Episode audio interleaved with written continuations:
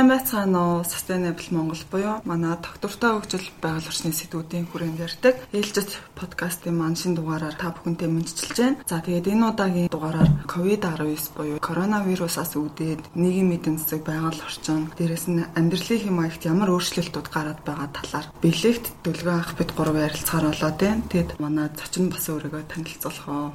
За тэгээ. А юуны төрөнд энэ подкастт өрж оролцож байгаад баярлалаа. Наг Баснаогийн дэлгүүн гэдэг эдийн засгч мэрэгчлээ. Өмнө нь 2007 онд Америкийн Connecticut College-ийг математик эдийн засгаар төгссөн. 2018 онд Harvard-ын их сургуулийг хөгжлийн эдийн засгийн чиглэлээр төрийн удирдлагын магистрийн хэрэг авсан байгаа. Яг одоо энэ коронавирус дээр эдийн засгт ямар нөлөө үзүүлж байна? Хамгийн сүүлд 3 сарын 24-нд танхимдэр хөлийн баг хурал хийгээд яг энэ эдийн засгийн чиглэлээр өөрийнхөө хийсэн судалгааг бол танилцуулсан байгаа. Тэгэхээр члэн одоо гараад тархацсан байгаа энэ вирусын гаралтай өвчлөл маань болохоор зэрлэг амтны хууль бус агнуур худалдаа наймаатай холбоотой байх магадлал маш өндөр байгаа. За тэгээд шууд байдлаараа зэрлэг амтнд байдаг вирусаас үүддэг гэхээсээ илүү түүхий бэлтгэх үйл явц одоо хайч одоо мис зэрэгээс үүдээд вирусын гарал үүсэл нь бол үүдэлтэй байх магадлалтай гэж. Ер нь бол яг анх нөгөө Вуханд ч эхний сэжигтэй тохиолдол илрээд дараа нь яг тэр хавцаа байдаг Хуан гэж цахаас хүртэл үүдэлтэй гэд гаргаад ирсэн мөлий. Тэгээд өмнө нь ч гэсэн бас SARS-ийн голомтойг тэгээд яг нөгөө үүсэл нь бас зэрлэг хамтны худалдаа 8-аас үүдэлтэй. Тэгээд яг нөгөө нэг шинжилээд гаргаад ирсэн одоохонд бол байх байгаа. Тэгээд ковид-19. Яг янз янзын таамаглалууд бас давхар давхар яваал хэлээ. Нэг нь болохоор Ухан мужийн бактериологийн тийм лабораториос энэ вирусыг анхаалтсан ч гэнэ үү. Тэрийг бол BBC-ийн гаргаж ирсэн болохоор тун сериосны тий гаргаж тавьсан болов уу гэж би бол анзаарсан.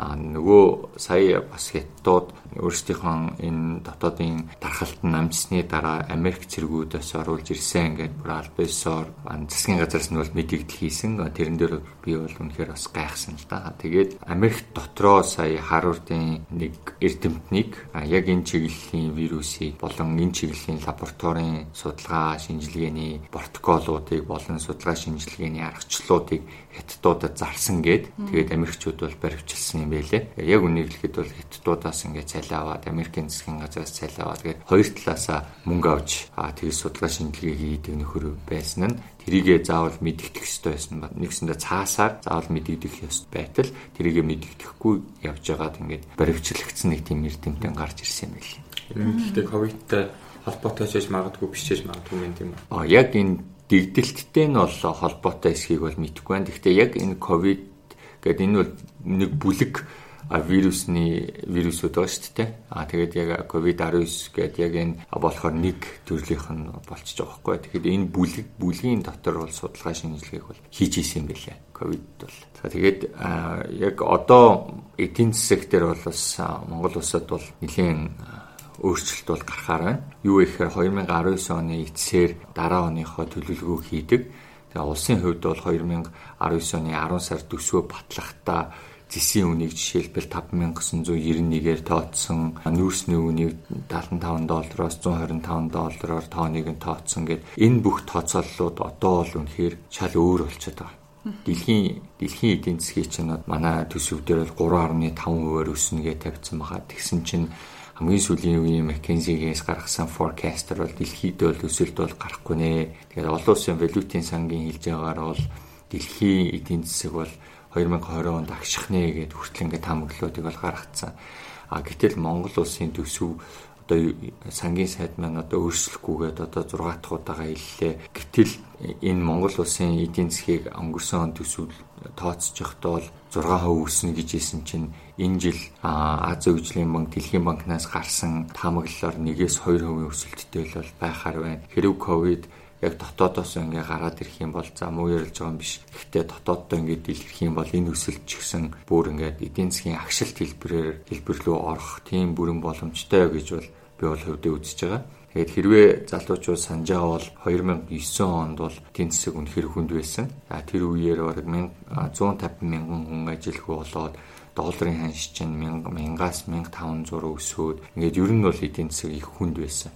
А тэрийг бол 2000 16 оны хямралтай бол бас уналттай бол харьцуулаад хэрэггүй. 2016 онд бол бас айхтар тэгж 9 оных шиг унаагүй. Гэтэл одоо зарим гадны эрдэмтдийн ярьж байгаагаар бол энэ 2009 оны дэлхийн санхүүгийн хямралын үед гарсан тэр хямралаас илүү эдийн засгийн уналт бол болох нэ гэж бол тооцоод байгаа юм байлээ. Чи сая Америкт ихэд түүхэндээ анх удаа 17 сая хүн ажил хөдөлгөөнд тэтгэмжтэй хүсэлт гаргасан тоо сая 2 өдрийн өмнө баг тоо тийм байсан гэхээр одоо баг 17 сая ч гэсэн нэмэгдсэн явж байгаа шүү.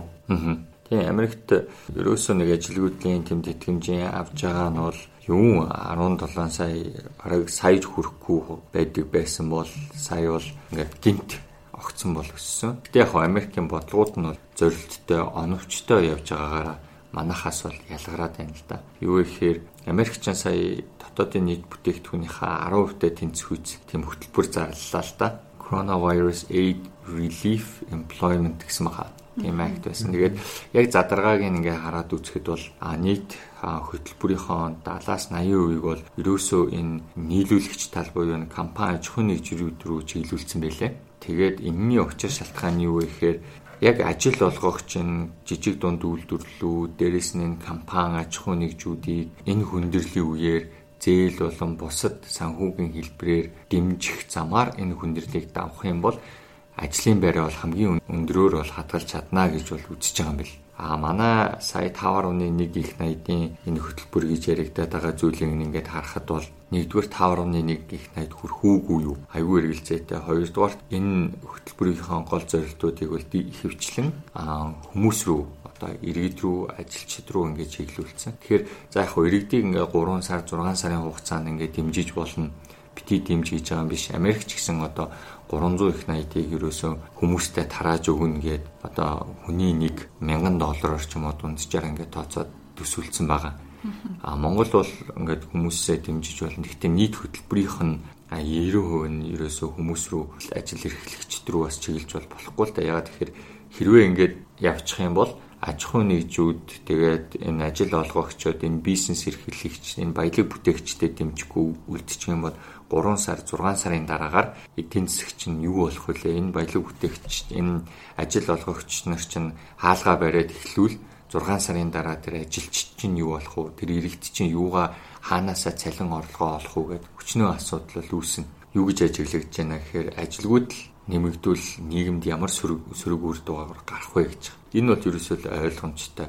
Яг хоо эдийн засгчийн хувьд бол ойлгомжтой байх л та. Гэхдээ а юу нь ойлгомжтой байна гэхээр ажилгүйдэл гэдэг чинь өөрөө ажил хийж исэн хүн чинь ажилгүй болохоор чинь тэр чинь ажилгүйдэл гэж яриад байгаа шүү дээ. Түүнээс яг ингээд архиугаад гудамжинд явж байгаа хүмүүс чинь одоо нэгэнт ажилгүйдэл гэж бүртгүүлдэггүй, ажил хийх сонирхолгүй тэр хүмүүсийг бол хийлээд байгаа юм биш. Тэгэхээр хотод бол энэ бол ерөөсөө л ядуур нэмэгдэнэ архиталт нэмэгдэнэ, гудамжин зүгээр сууж байгаа хүмүүс нэмэгдэнэ, гуйлга хууж байгаа хүмүүс нэмэгдэнэ. Ерөөсөө ийм шинж тэмдгээр л бүгд илэрнэ. За яагаад гэж юм бэ гэхээр хотод ерөөсөө нийт өрхийн орлогын 80 90% нь бол юу байдаг вэ гэхээр тэтгэвэр тэтгэмж тэгээд цалин орлого. Цалин бол дийлэнхийн нь бол хамгийн их хувийг бол бүрдүүлээд байгаа. А хөдөө орон нутагт яадаг вэ гэхээр хөдөө аж ахуйгаас орлого олдог. Тэр нь ямаагаа самандаг, малаа зардаг, те арьс ширийн борлуулдаг. Ингээд тэгэд өөртөө тэр яг мөнгөн хэлбэрээр олддгүй маа гэхэд өөртөө хүртэл тэр малаа гаргаад идчихдэг те. Тэгэхээр энэ тэрийг бас ингээд орлого мөнгөн мөс орлого гэдэг ингээд тооцдог. Хотод бол тийм юм байхгүй. Хэвээ нөгөө хиний хэлдэг бол тийм орлого олж байгаа. Гэхдээ өдөө аж ахуйгаас олж байгаа орлого бол байхгүй байгаа тань л та. Тэгэхээр хотод хэрвээ ажлын байр байхгүй одоо компаниуд ампуураад хаагдаад ажлын байр ингээ хомсдох тусам энэ хүмүүс чинь ядуурлуул явж гин гэсэн үг. Да ялангуяа хамгийн эмзэг бүлгийн хүмүүсийн тэр ядуурлын төвшин нэмэгдэнэ. Ядуугийн төвшөнд байгаа хүмүүсийн ядуурлын төвшин нь нэмэгдэнэ. Улам ядуурна гэсэн үг.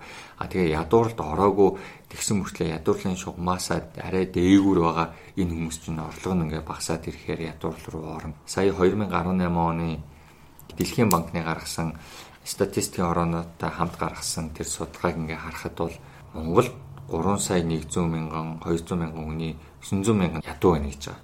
За тэгээд ерөөсөө дахиад нэг 500 мянга бол ядуурл руу ороход гусаж ороход ерөөсөө бэлэн байна гэж байгаа. Нэг хүний сарын орлого нь 50 мянган төгрөгөөр буухад дахиад 500 мянган хүн ерөөсөө ядуурл ороход бол бэлэн байна гэсэн тийм судалгаа бол байгаа юм л да.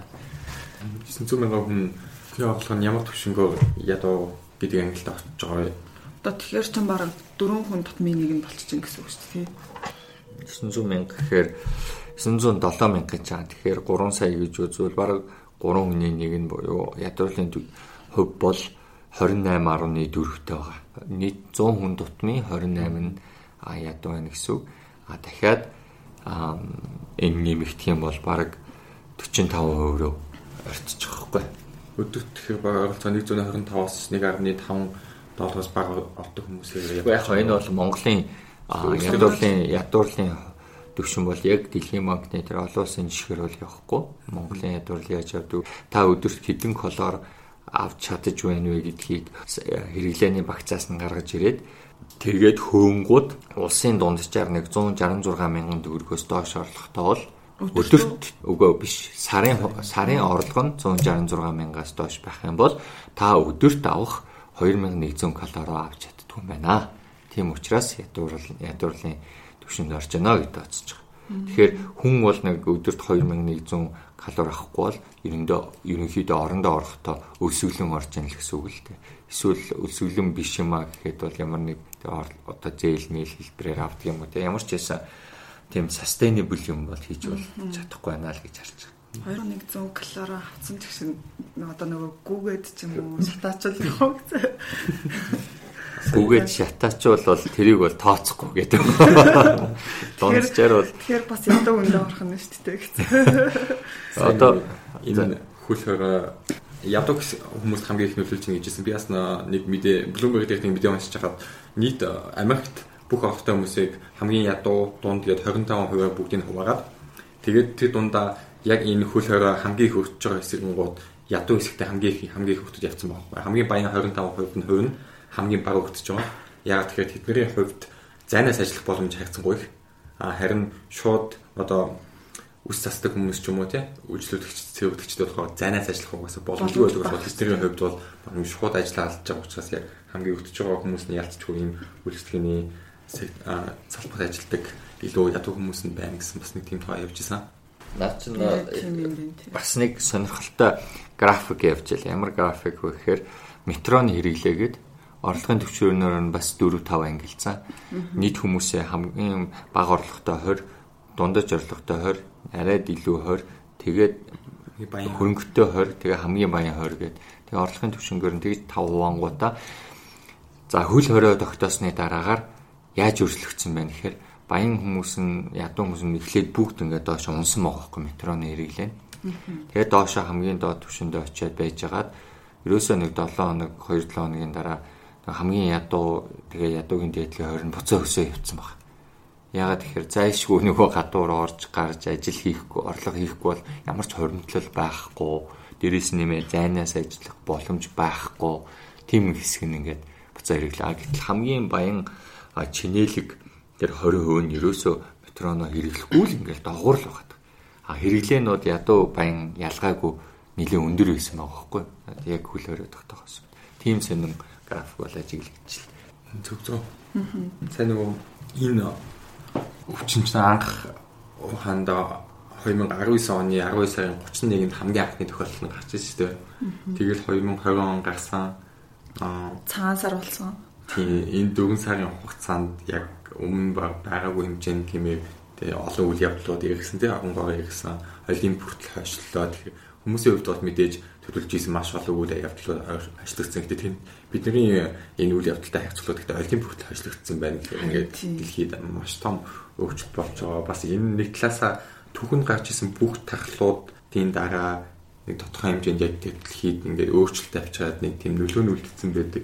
Тэгээ тэрэн дээр жишээ нь би уншиж хахад хар тахал гээд Европ гарч ирсэн. Европын баг хөдөлмөрийн насны хүн амын баг 40%-ийг авч удажсэн. Тэрний дараа гэхэд яг ажилчид нь ажилчдын хувьд тоон буурчингууд үлцэн ажилчдын нь цалин өсөөд тэгээд яг тэр тахлын дараа бол ажилчид илүү их мэдлэлтэй арай илүү боломжтой болоод цалинаас өсчихсэн нэг тоос байт юм лээ. Аа энэ корона вирусээс болоод гарч байгаа энэ хөл хорионы дараа яг энэ буцаад энэ бүх тохиолдлууд буураад дэлхийн ингээд энгийн замдаа энгийн эдийн засаг руугаа очиход ойролцоогоо ямар хугацаа шаардаж яг буцаад юуж болов юм шиг хэмжээнд явна гэсэн тооцооллууд явж байгаа тийм сэрхэд. За хамгийн дөрөнд юу юу харах хэрэгтэй гэхээр herd immunity буюу бүх нийтээрээ юм эсэргүүцэлтэй болох юм уу гэсэн асуулт байгаа байхгүй. А тэгэд эсэргүүцэлтэй болохын тулд ингээ хоёр хувилбараар бол хурж болох бах. Нэг нь бол бүгдээрээ тусч болох бах. Эсвэл хүн амын дийлэнхийн тусаад тэгээд энэ ингээ даажмар намд нь эсвэл бүгдээрээ вакцин хийлгэнэ. Вакцин хийлгэх юм бол эхний байдлаар нэг 4 5 вакцины хувилбарууд одоо clinical trial руугаа орж байна тэр нэг амьд хүн дээр одоо туршиж эхэлж байна гэсэн үг л дээ. Тэгэд энэ процесс бол ямар ч хамгийн багт бол 1 жил явна. За Монголын хувьд бол за 1 жилийн дараа үнэхээр вакцин гарлаа гэхэд дахиад нөгөө 3 сая хүн хүндээ бүгдэнд нь хийн гэх юм бол тэгээд эхлээд оруулж ирнэ гэд ингэх юм бол 1 жил 6 сар бол хамгийн багт бол зарцуулагдах. А дэлхийн даяар бол баг бүх юм хэвэндээ орно гэж болоход баг 3 жил зарцуулах болов. А яг энэ хөлөөрөө юм онцгой дэглэмийн үе шат багснаа, бууурнаа, эхний ээлжинд ядаж бүх юм хэвэндээ биш юм а гэхэд хөл өрөөнд гайг болнаг бол нэг жилээс 2 жилийн дотор бол болох бах. А Монголд бол яг яг энэ байдлаар одоо хилээ хаагаад явнаа. Эсвэл дотооддоо гарахгүй гүлийн хэлбэрээрээ бол явхад бол дахиад нэг жил 6 сар болох болов гэсэн тийм миний хувийн нэг таамаг яваад байна л да одоо бол ингээд хүмүүсийн ярьж байгааг харахад бол яг ийм хэлбэрээр урт хугацаанд буюу жилээс дээш хугацаанд ингээд төлөвлөж байгаа зүйлүүд байхгүй. Надад хийж байгаа шийдвэрүүд гаргаж байгаа үйлчлүүдийг ингээд харахаар эсвэл сонгуулаа бодсон нэг тийм шийдвэрүүд гаргаад байна. А тэгээ сонгуулийн дараагаар шин засаг бүрдэх үед энэ төсвөө тодтогох бах. Дээрэс нэмээд янз янз авж байгаа арга аргуудаа арай өөр хэлбэрээр буюу зорилттой хэлбэрээр бол авч эхлэх бах одоогийн байдлаар бол зорилттой хэлбэрээр аваагүйгээс болоод яг ядуурл руу чиглэсэн үйл ажиллагаануудын алга яг энэ компани аж ахуйн нэгжийн энэ хүндрэлийг давхад тусгайлан бэлтэж гаргаж ирсэн арга хэмжээнүүд бол алга зүгээр л наана бид нэр арга хэмжээ авч байгаа гэдэг. Одоо жишээлбэл нийгмийн даатгал дээр гэхэд аль хэдийн 5 6 мянган компани дампуурсан байна л гэж хийж байна. Энэ нь бол 3 7 хоногийн өмнөх тоо Тэгэхээр энэ дампуурхаж байгаа компаниуд нийгмийн даатгалын шимтгэл авахгүй, орлогын албан татвар авахгүй гэдэг ингэнгүүт эргээд хүнд үед тийм орлого олоод ашигын тийм татварууд төлөх компаниуд байхгүй. Тэгээд ажилчтай халахаар нийгмийн даатгалын шимтгэлийн төлөхгүй. Тэгэхээр энэ авахгүй юмнууд авахгүй гэдэг нь бол айгүй гой сонсогдоод байгаа хэрнээ яг энэ хүндэрж байгаа туслах ёстой яг хамгийн хэцүү хүнд байгаа энэ компаниуд дээр бол энэ ерөөсөө тийм дэмжлэг болж бол очихгүй. А энийг бол тэгээд 6 сарын дараа бол яа харахгүй ямар нэг байдлаар бол энэ бодлогоудаа бас жоохон өөрчлөх болов. Тэр нь бол тэр 6 сарын дараа сонгуулийн дараа ингээд өөрчлөхөд бол яг хідэн компани хэдийн хаалгаа бариад эргэж буцалтгүй явцсан байх бол гэдэг нь бас үнэхээр харамсалтай тоо гарч ирэхээр сонсогдож байна л доо. Тэгээд буцаад нөгөө хүмүүс маань хэрвээ зээлтэй бол яг уу тий зээлийн иргэн төлөлт нь гэдэг хойшлцсан байгаа ч гэсэн буцаагаад нөгөө нэг төлөлөө гэж бодсон ч зээл нь буцаагдаад заавал нөгөө төлөх ёстой дүнгээрээ төлөгдөж таарах гэдэг. Тэгэхээр нэг талаасаа яг уу одоо 8% зээлтэй ч юм уу хэрэглээний зээлтэй хүмүүс түр амс хийж байгаа ч гэсэн буцаагаад гарч ирж байгаа эрсдэл нь бас түүнээсээ бараг 3 дахин илүү ч юм уу тий 2 дахин илүү болчиход байна. За ипотек дээр бол гайгүй. Ипотек дээр бол дахин одоо restructuring гэж ярьдаг дахин хөгжүүлээд ерөнхийдөө одоо энэ 3 сарыг нь хойшлуулад нөгөө төлөвж дуусах хугацаа нь 3 сараар буцаа хойшлж гин гэсэн. Тэгээд энэ хугацаанд нь 3 сарын одоо тэр хүүгийн хэрвээ засгаас шийдэж өгж байгаа бол авахгүй а засгаас шийдэж өгөхгүй бол нийт төлбөрт нь одоо 15 жил бол 15 жилд нь хуваагдахаар ерөөсөө нэг айхтар бол өөрчлөлт бол орохгүй баг. А бизнесийн зээлүүд болон жижиг дундын зээлүүд, иргэний иргэдийн цалин тэтгэврийн зээлүүд бол шал өөр. А эдгээр бол ингээ 3 сараар ингээ хойшлууллаа гэж байгаа нь огт хойшлуулсан зүйл бол байхгүй. Юу байна вэ гэхээр 3 сарын хугацаанд та зээлээ төлөхгүй бол наа чин хэвийн гэдэг ангилтаа явж хагаад 3 сарын дараагаар хэвийн бусдад орно.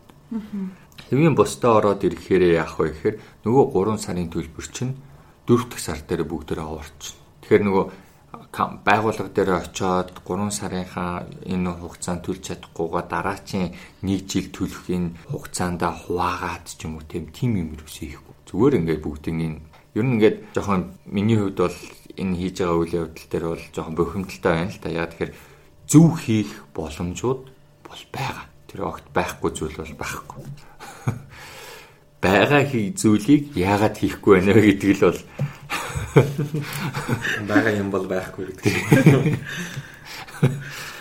Зөв хийж бол болох байхгүй. Яаж зөв хийх вэ гэхээр за 3 эх 3 сард хэрвээ зээлийн асуудал хүндэрх юм бол банкн дээр очиод энийг бол дахин бүтцэд ороод гэрээг нь байгуулаа. Тэхийн бол та бүхэн 3 сар байтугай 6 сарын хугацаанд энэ хүндрэлийг давхад зээлийнхаа төлбөрүүдийг банктайгаа тохиролцож чадах юм бол хойшлуулад ингээд явах бүрэн боломжтой гэдэг хөлбөрүүдийг ярихгүйгээр за улс нэх бүх зээлийг нь хойшлуулсан юм шиг яриад тэнгуутаа банкн дээр очихоор ямар ч тийм зүйл байхгүй байна.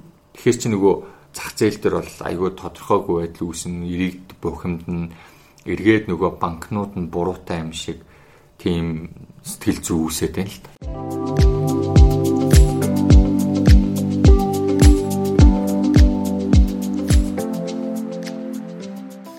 Одоо энэ ихтүүлэнд нь учаатаа эдийн засгийн шок чи эрэл нийлүүл талаас айл айлын шок явж байгаа шүү дээ тийм. Тэгэхээр засгийн газар төв банкны зүгээс одоо хийж болох зүйлс нь төв банкнаас бол мэдээж мөнгөний нийлүүл нийлүүл талаас талаас л хийхээс иш одоо шууд хэрэглэсний хэрэглээг шууд нэмэх талаас бол ямар ч зүйл хийж чадахгүй болж байгаа шүү дээ хязгаарлагдмал. Тэгэхээр хэрэглэстэй ч гэсэн үйлчлэгээний газрууд руу угаасаа явхаа болчихж байгаа хөлөөгөө тогтоод аа үйлчлэгээний газрууд нь нэгтдээд үйл ажиллагаа явуулсан ч одоо энэ өвчнөд байгаа тохиолдол хэрэглэгчд мэдээж гадуур явах бусад илүү дутуу зардал хандсан байгаа. Тэгэхээр энэ бүх шокууд нь цаашлаад хэр эдийн засгийг хүндүүлэхийн иргэдийн хувьд мэдээж энэ бүхэн гэхдээ айгүй тодорхойгүй байгаа. Ягаад тэгэхээр энэ тархалт өөрөө хэдийн хугацаанд явж иж намдах юм тий.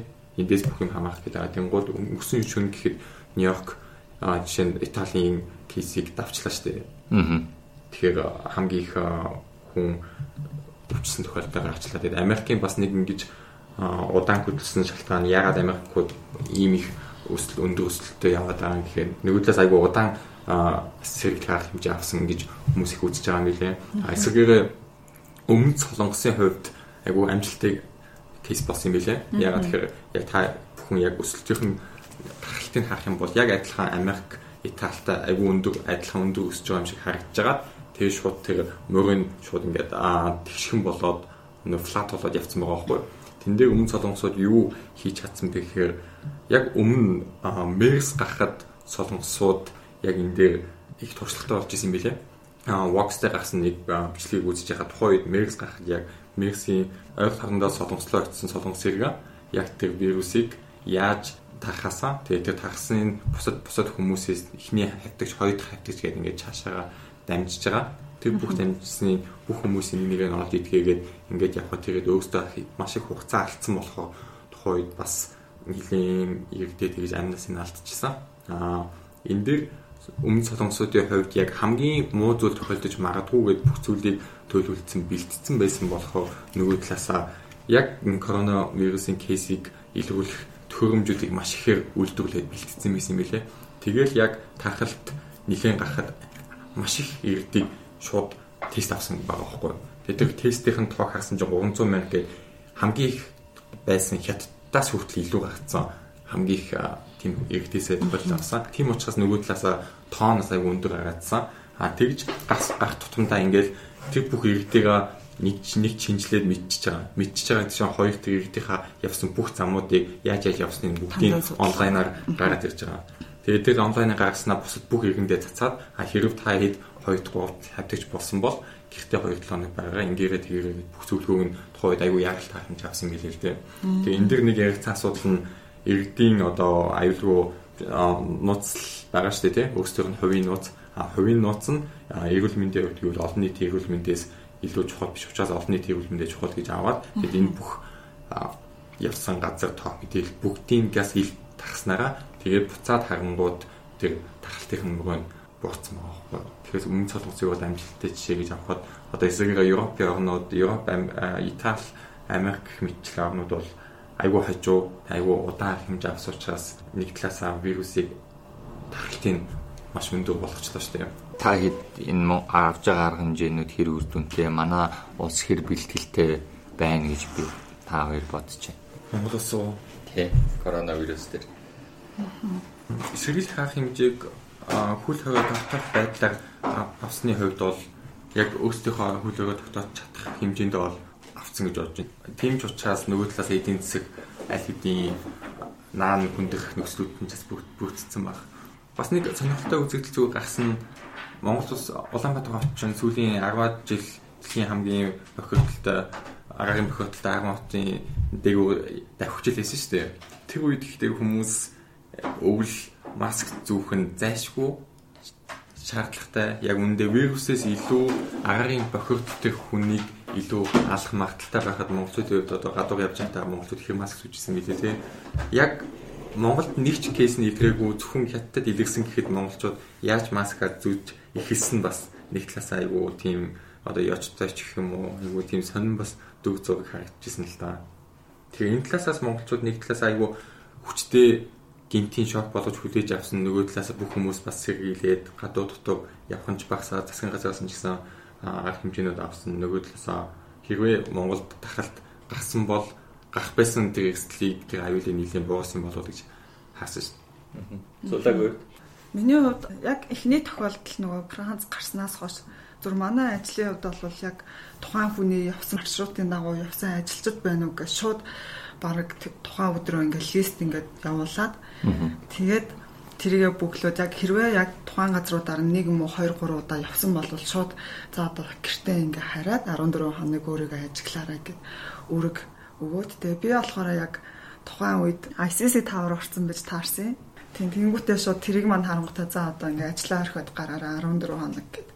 Тэгээ гэртээ байж байгаа яг тухайн үед бол тэгээд ойр дорныхаа газраар явахгүй тэгээ нууцаар гарч гүйж байгаа л. Тэгэл тэгэл нэг давж гарсан да. Нууцаар гараа гүйцснээс. Тэгээ бас нөгөө чухал нэгж байгууллагуудын авж байгаа арга хэмжээнд бас нөлөөлсөн баг гэж одоо тийм. Одоо 14 хоног өөрийгөө тусгаарлаж байгаа буцаж ирээрээ гэдэг ч юм уу тий. Орж ирэхдээ өөрийнхөө хэмцэн тэр эрүүл мэндийн хуудасныхаа өгүүлсэн зүйлтэй ажлынхаа газрын эмчд үзүүлээ гарын үсэг зуруудлаад тэгж авч ирсэн тохиолдол. Бас нэлээд сайн арга хэмжээ авсан байна. Тэгэхээр манайх эхний тест хийгээд эрэг гарсан нь болж анх авж байгаа арга хэмжээнүүд бол зөв байсан. Ягаад тэгэхээр манай нэгт харуулт ерөөсөө ямар ч одоо барих боломж байхгүй гэдэг утгаараа маш их арга хэмжээ олсон. Гэхдээ энийг бол шат дараалтаа бол би яг авсан гэж бол бас өвдөө үзэхгүй байгаа. Жишээлбэл хамгийн сүүлд гэхэд одоо Франц нөхөр үнэхээр туссан байгаад ингээд ялаа 3 сарын 8 бил 9-нд бол ялсан шүү дээ. Анх илэрсэн нь бол батлагдсан. Тэнгүүд за 2-7 хоног харлаа. За боли 3-7 хоног харлаа баталгаатай.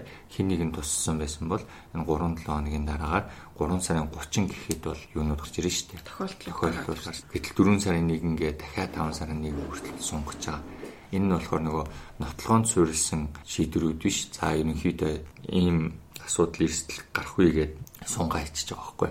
А тэгээд Сингапур, Швед эднийг харж байхад бол яасан бэ гэхээр яг ингэ шат дараа л та. Сингапур гэхэд бол манахаас одоо нэг сард одоо хөл хорой тогтоохоос өмнө тэнд бол тохиолдлууд бол илэрсэн байсан. Тэгсэн мөртлөө сургууль цэцэрлэгээ хаахаагүй л байсан. Тэгээд өнгөрсөн 7 хоногт нөө тэрний өмнөх тав дахьт нь яг ингээд сургууль цэцэрлэгээ хааж байгаа байхгүй. Тэгэхээр мэдээж эрүүл мэнд хүний амнаас хамгийн чухал. Гэхдээ энэ хүрээнд бид нэр арга хэмжээ авчих юм бол заавалжгүй бүх газрыг бол хаагаад байх шаардлагагүй байна гэж үзээд ингэ яваад байгаа байхгүй. Тэгэхээр бид нэр болохоор зүгээр хавтгаруулад бүгднгийн тас хориод бүгднгийнх нь хөл хөдөлгөөнийг хориод бүгднгийнх нь гарч орохыг хориод ингэж за гаднаас бол гарч орохыг бол хорих нь бол зүйтэй яа тэгэхээр Монголд гарч тохиолдол чинь бүгд дандаа гаднаас тэрвэрлэгдэж орж ирсэн. Аа Гэтэл дотооддоо үнэхээр байна уу байхгүй байна уу яг одоогийн бодлоор алга. Тэгвэл яагаад энэ дотоодынхоо энэ хөл хорой энэ хязгаарлалтуудыг шат дараалтаагаар аваад энэ бизнесүүдээ тэтгээд ингэ явж болохгүй байгаа. Аа яг тэгэхээр одоо ингээд бизнесүүдийг харахад за ямар ч байсан 20% нь нилээн зөвхөрсөн баг шүү байна. Дахиад энэ байдлаараа 3 сар явах юм бол дахиад 20% зөвхөрөх юм байна. Ингээд нийт одоо нэгсэндээ төсвөөс хараад биш бие дагаад явж байгаа хүмүүс нь л илүү хүндөртэй байх шиг байна л да. За тэгээд одоо би авж байгаа арга хэмжээнүүд дээр үнэхээр дэмжиж байгаа ч гэсэн одоо хэр бэлтгэл хэр байгаа гэдэг дээр жоохон тийм санаа зовнилтой л байгаад байгаа. Юу гэхээр Монголд өнөөдөр яг короногийн шинжилгээг 24 цагаад шинжилгээ хийхэд ерөөсөө 100хан тохиолдлыг шинжилж чадж байгаа гэж байгаа байхгүй юу? Хамгийн ихтэй юу? Хамгийн ихтэй. 24 цагийн дотор тий. Гэтэл яг корона гарах юм бол энэ цуул юу ч болохгүй шин.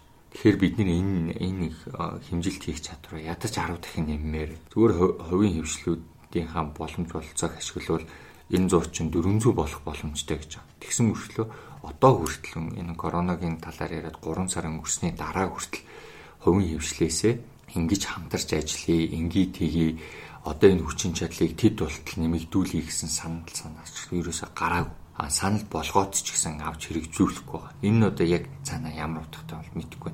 А юу чухал вэ гэхээр амьсгалын аппарат яг хүндрээд ороод ирлээ гэхэд Монголд бол 150 аппарат байгаа гэж байгаа. 150 аппарат нь корона гараагүй хад бусад өвчнүүдэд 70% нь ашигладаг гэж. За орны тоод хэд байна? Амьсгалын аппаратны тоод хэд байна? А хоногт бид нэр тэдэн хүнийг бол тестлээд одоо хариуг нь гаргаж чадна. Америкт гэвэл 5 минутын дотор оншин тогтоодог тийм боломжууд бол бүрдчихэд шүү дээ. Тэгэхэд бид нэр улс даяараа ажиллаад ажиллаад одоо 24 цаг дотор 100-г тестлэнэ гэдэг нь үнэхээр ч хамлалттай. Үнэхээр энэ юу гэсэн үг вэ гэхээр яг одоо гараагүй нөхцөлд бол ингээд бүх юмнууд нь хангалттай. Гарцсан нөхцлүүлэлтэд бид нэр хоногт хэдийг онцлуул хідэн хүний амьсгалын аппаратыг бэлдүүл бид нэр хангалттай вэ гэдгийг тэр эпидемикс буюу цар тахлын үеийн гаралтыг хүн амынхаа онцлогтой тохируулаад дээрээс нэмээд 50% нь Улаанбаатарт амьдардаг гэд авч байгаа арамж гарах хэмжээтэй тохируулаад өдөрт тэдэн хүн тусах юм байна. Өдөрт тэдэн хүн хүндэрх юм байна. Хамгийн ихтэй өдөрт тэдэн хүн насварч магадгүй байна гэд бүх тооцооллуудаа гаргаад энэ дашбордоо гаргаж ирээд тэгээд зорилттой төвшнүүдэд тавих хэрэгтэй байхгүй. Орны тоо тэд хамгийн максимумда тэд болох хэрэгтэй юм байна гэд. Ингээ бүх бэлтгэлээ одоо хангаж явах хэрэгтэй. Магадгүй Үнэхээр тэр бэлтгэлээ бид нэр хангацсан тохиолдолд коронавирусыг гарлаа гэхэд нас орж байгаа хүмүүсийн тоон ч гэсэн хамаагүй баг гарах бах. Гурав дахь төвшний зүйлүүд юу бас бэлтгэл хангах хэрэгтэй гэхээр иргэд маань жишээлбэл Сингапурт одоо юм гар утасны аппликейшн хийцэн. Тэгээд тэр хүн өвчтөй гарах юм бол тэр гар утасны Bluetooth-ийг асаагаад за энэ хүн энэ энэ газараар явсан байна. Энэ энэ хүмүүстэй тэдэн метрийн зөрүүтэй 1 м дотор зөрсөн хүмүүс нь тийм тийм хүмүүс байна гэдэг нөгөө хүмүүс нь шууд мессеж явуулж байгаа гэж байгаа юм. Зөвхөн Сингапурт бол ашиглаж байгаа. Тэгэхэд энэ программыг манай улс хийгээд бүх хүнийхээ гар утсанд хийгээд тэгээд хөлөөрөө одоо одоо одоо бол жоохон назгаарчлаа шүү дээ. Энэ назгаа байдлын үеэр хүмүүс одоо хинж хааж хоорондоо арх уух юм блэ хинж хаана очиж айлаар хэсэх юм блэ те. Энэ бүгд датаг нь цуглуулж эхлэмээр байгаа. Тэгэл гарлаа гонгууд нь шууд тас гээл тэр хүний аппликейшн дээр ямар ямар хүмүүс ойрхон явсан байна. Ямар ямар айлуудаар ороод хинтээ уулзсан байна. Бүгдийг нь гаргаж ирээд тэр хүмүүс рүүгээ мессеж явуулаа. Та нар хамгийн түрүүнд тестлүүлэх хүмүүс шүүч гэдэг юм уу эсвэл өөрөө өөрсдөө нэг 14-өөс 21 хоног гэртээ хориороо ягаад тэгэхээр таны уулзсан тэр хүн чинь коронавид гарсан байна. Энэ аппликейшнуудыг одоо хийж байгаа юм юу ч алга те. Тэнгүүд за коронавигийн үеэр бүх хүн коронавигоор өвдөхгүй шүү дээ. Зарим нь одоо зүрх нүдэн, зарим нь хотоод нүдэн, зарим нь одоо нүдэн нүдэн. Тэнгүүд тэр эмнэлгүүдээ бол бэлтгэх хэрэгтэй байхгүй. За энэ энэ эмнэлгүүд яг коронавигийн үеэр та нарыг ерөөсөө ирээд хэрэггүй. Энэ энэ эмнэлгүүд зөвхөн корона коронавитой харьцсан. Аа хутгалуулж одоо ясмаха хугалсан бол гэмтэл рүү яв. Ийм ийм тохиолдолд бол 3 дугаар эмнэлэг рүү яв. Хизээч 2 дугаар эмнэлэг дээр ч юм уу эсвэл 1 дугаар эмнэлэг дээр ирж болохгүй шүү гэдэг ингээд эмнэлгүүдийг хүртэл ингээд дотор нь ангилаад тэгээд ингээд тусгаарлаад бэлдэж чадах юм бол бид нэр корона гарах үед бол ингээд хамаагүй бэлтгэлтэй. За одоо бид нэр ингээд бэлтгэлээ хангах хугацаа бид нарт ийм тийм байлаа гэж яриа сууж байна. Одоо бол нэгсэндээ мэдчих чадахгүй л да. Энэ бол яг миний салбар бол биш. Гэхдээ эрүүл мэнд дээр ийм байгаа юм чи эдийн засгтаар бүр долоон доор байх юм ч одоо аргагүй юм чи юм уу гэж бас бодох юм. Тэгээ салбар хоорондын бас уялдаа холбоо хэрэгтэй ах та тий гамшигын яг бэлэн байдлын үед яаж яаж хамтарч ажиллах уу яг энэ менежментийг хэрхэн яаж хийх үү гэд яг уу өмнөөс нь нөгөө нэг гамшигын үеийн бэлэн байдал нь арай өөр түндээс нь л одоо илүү нөгөө олон салбарыг хамрахаар тийм хэрэгцээ шаардлага бас бий болоод ирчихэж тий тэгэхээр та хоёрын хувьд одоо амьдралын хэм маягт яг энэ яаж нөлөөлсөн бэ? За бэлэгтээс эхэлж. Амьдралын хэм маяг уу? Аха. Өө нилээ өөрчлөгдсөн дөө. Угаасаа бүхэл хүний адил авч гарах нь багасч байгаа. Хүмүүстэй уулзах нь буучж байгаа. Гэхдээ бол орж гарсан юм бол байхгүй. Гэт бас нэг банктэй байгаад байгаа юм байхгүй гэдэг шүү. Мм. Энд дээр би энэ жил гэтээ оны он гараад гүйж гисэн Тэг гүйлтэй бол би өрсөлдөлээсэн. Хэд хэдэн зөвлөмжүүдийг уншаад хүмүүсээс 6 feet гэдэг чинь 1.8 метрийн зайгаа аваад нөгөө social distancing гэж нэрлэдэг байгаа тий. Тэр тэр зайгаа аваад гүйчгээд бол асуудалгүй юм байна гэдэг. Ер нь бол гүйж ахтаа хүртэл тэр social distancing хийж лээсэн шүү дээ. Тийм өмнө бодоодсэн бас л угаасаа л хүмүүсээс захиал гүйдэг гэсэн юм байлаа. Тэгж бол гүйж юмуд нь хിവэрэ байгаа. Аа сая энэ дээр монголчуудын одоо нэг соёлын давталгаа гэдэг юм уу тий бүгд маск зүгээд гадуур бас цэрээ хайханж басаад ингэж байгаагийн гараа угааж байгаагийн бас нэг сайн нөлөө нь яаж гарсан бэхээр дөрвөн сарын нэгэнд нэг өнөөдөр сонин дээр гарсан нэг мэдээг хөсөд ханаа том уу 90% буусан юм билээ. Тэгээд гидсний халдвар төвчин бас бүтгэдэг үгсэн. Тэгэхээр бас яг иймэрхүү яг нөлөөнүүд нь ч бас нийт мэндийн салбартаас гарч байгаа юм билээ. Аа. Тэгээ яг уу шууд байгаль орчинд үзүүлж байгаа нөлөөл эрэг болоо цөрөг нөлөөллүүд байна л да. Жишээ нь бол агаарын чанарын хэмжээ бол илт сайжирсан гэх хятадд бодлогоор томоохон үйлдвэрүүд станцууд бол шууд талхаа бариад тэгээд үйлдвэржилт зогсоод тэгээ машин тэрэг зогссноос үүдээд бас агаарын чанар сайжраад одоо хиймэл дагуулын мэдээллээс ингээ харахад нөгөө нэг азотын давхар эслүүдийнх нь тэр нөгөө эрчим нэлээд саарсан, буурсан тийм үзүүлэлт байж байгаа. Буцаагаад яг ингээд хятадд одоо үргэлжилжээс агаарын чанарын одоо мэдээлэл нь Итали, Их Британи гэдэг нөгөө орнуудад бол бас агаарын чанарын сайжрах гэсэн тийм үзүүлэлт бол гарсан юм лээ. За дан ганц агаарын чанар биш энэ бас нөгөө хоччлтаас үүдэлтэй дуу шугааны бохирдлын хэмжээ бас бууруулсан. Тийм хүмүүсийн оролт гаралт нь багассан болохоор ялцчихгүй орчны бохирдлын хэмжээ буураад явцсан тийм сайн талууд бас байгаа. А түүнийгээ дагаад одоо хотын ойр орчимд байдаг аймтууд илүү хотын төврөг гарч ирсэн гэдэг ч юм уу те. Зарим нэг тохиолдолд бүр энтгэхт нөгөө ховорцсон байхгүй болсон гэж тэмдэглэжсэн аймт нь хүртэл хотын удамжаар авчихсан гэсэн мэдээлэл гарсан гэсэн. За амьдралын хэв маяг бол яхаарахгүй өөрчлөлт бол орж ийн л та миний хувьд. Сая Карин хөл хорой тогтоогоод ер нь надаас хувьас илүү шалтгаалаад улсаас шалтгаалсан юм бол байхгүй. Тэгээ 3 кг нэмсэн байна. Одоо энэ хөл хоройны хувьд жоохон идэж ууха багасгаад энэ жингээ нэг ойрын сар оччмын хугацаанд бас буцаж хасъя гэсэн тийм зорилт тавьчаал явж байна.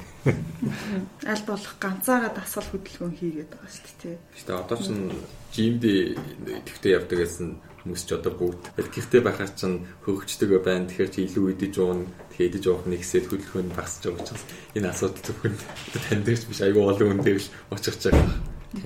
Хэдийгээр хөл хорой ингээ гарсан ч гэсэн хөргөчдөг найзлаад байгаа юм бол байхгүй. Тэгсэн ирнэ л нэмээд байна. Сайтуха нөгөө Улаанбаатар хотын агаарын бохирдол дээр нөгөө нөгөө Smart Air гэдэг олон улсын агаарын бохирдлын агаар зөвшөөрөгч хийдэг байгууллага байдаг. Тэгээ би энд нөгөө өвөл ажиллаж байсан аахгүй. Тэгээ эндээс гаргасан тоогоо 2019-өөс 20 онд 10 сарын 1-ээс 2 сарын 29 хүртэлх энэ хугацаанд PM2.5 буюу нарийн ширхэг тоосонцог өнгөрсөн жилдээ жилийн яг энэ хугацаанд айцлууд 23% бууссан юм билээ. Улаанбаатар хот уу? Тийм Улаанбаатар хотын хувьд. Тийм тоо явж исэн. Гэтэ 23% буураад 100 дээр очиж байгаа байхгүй. Тэгээ 100 гэдэг чинь дэлхийн эрүүл мэндийн байгууллагын нөгөө хүлцэх аюулгүй төвшинч 10 байдаг шүү дээ. Тэгэхээр тэндээсээ бас 10 дахин илүү бохирдолтой байгаа гэсэн 100 дээр. Гэтэ өнгөрсөн жилдээ харьцуулахад 23% бас буурсан байна. Тэгэхээр одоо ингэс үг юм ба штэ. За агаарын бохирдол бол буураад буураад олон улсын төвшөнд хүрсэн юм бол багхгүй. Байх ёстой хэм хэмжээнд нь бол хүрсэн юм байхгүй л юм. Гэтэ яг тодорхой хэмжээгээр багассан юм шүү дээ. Тэгсэн баг 2 сарын 29. Тэгэхээр хүмүүс 1 сарын сүүлээс эхэлж одоо маска зүүж гисэн бол ядаж нарийн чихрэг тоосон цог өндөр 1 сарын хугацаанд өөрсдөө одоо хайж гадуур явахдаа одоо вирусээс биш агаарын бохирдлоос бас өөрсдөө тодорхой хэмжээнд хамгаалсан л байна. Оо нэг зүйлийг хэлхээ марцсан. Энэ маскны хаягдал бас нэлээ их гарч байгаа тий яг. Нэг удаагийн маск тэгээд шууд ингээ хэрэглээд ингээ хайчих болохоор тэгээ яалтчгүй зүгээр шууд ингээ хэрэглээ хайхгүйгээр нөгөө ном журмынхаа дагуу ингээд эвхээд тэгээ тэгээ зангидаад ингээд жижиг болгоо хаях хэрэгтэй юм шиг байна. Аа бас яг тэгж хаях хэрэгтэй юм тийм. Тэгэхгүй бол одоо эн чинь салбаагаал ингээл хаягдал болол ингээл явахар ч юм тийм. Тэрийг бас дараа нь нэлээд онцолж ярмаар сэдв юм шиг санагдсан. Тийм ээ. За за. За ингээд урьж оролцуулсан та хоёртаа баярлалаа. За баярлалаа. За ингээд цаг цаваад зохицуулж чаа бид хоёртой ярилцсан эдийн засагч дүлгөөндөө баярлалаа. Ингээд нэрийн хувьд коронавирус буюу ковид 19 буюу coronavirus disease 19 гэдэг 19 онд гарсан гэдэг нэрээр энэ нэрлэгдсэн. Бас энэ нэрийг өгөхдөө бас их хүчтэй хүчтэй өгсөн юм байл. Яг тэгэхээр хамаагүй одоо нөгөө нэг хэсэг чинь хятад вирус дээр л нэрлэл яваад штэ бусдыг нэг гадуурсан маягаар. Тэгэхээр ийм хүү бусдыг гадуурсан үзлээсээ хол байх үүднээс COVID-19 гэж яг ингэж нэрлсэн. Энэ вирусын эдийн засаг болон нийгэмд болон байгаль орчинд үзүүлж байгаа нөлөөний талаар энэ дугаараа онцолж ярьлаа. Ингээд анхаарал тавьсан сонсогчдод баярлалаа. За баярлалаа.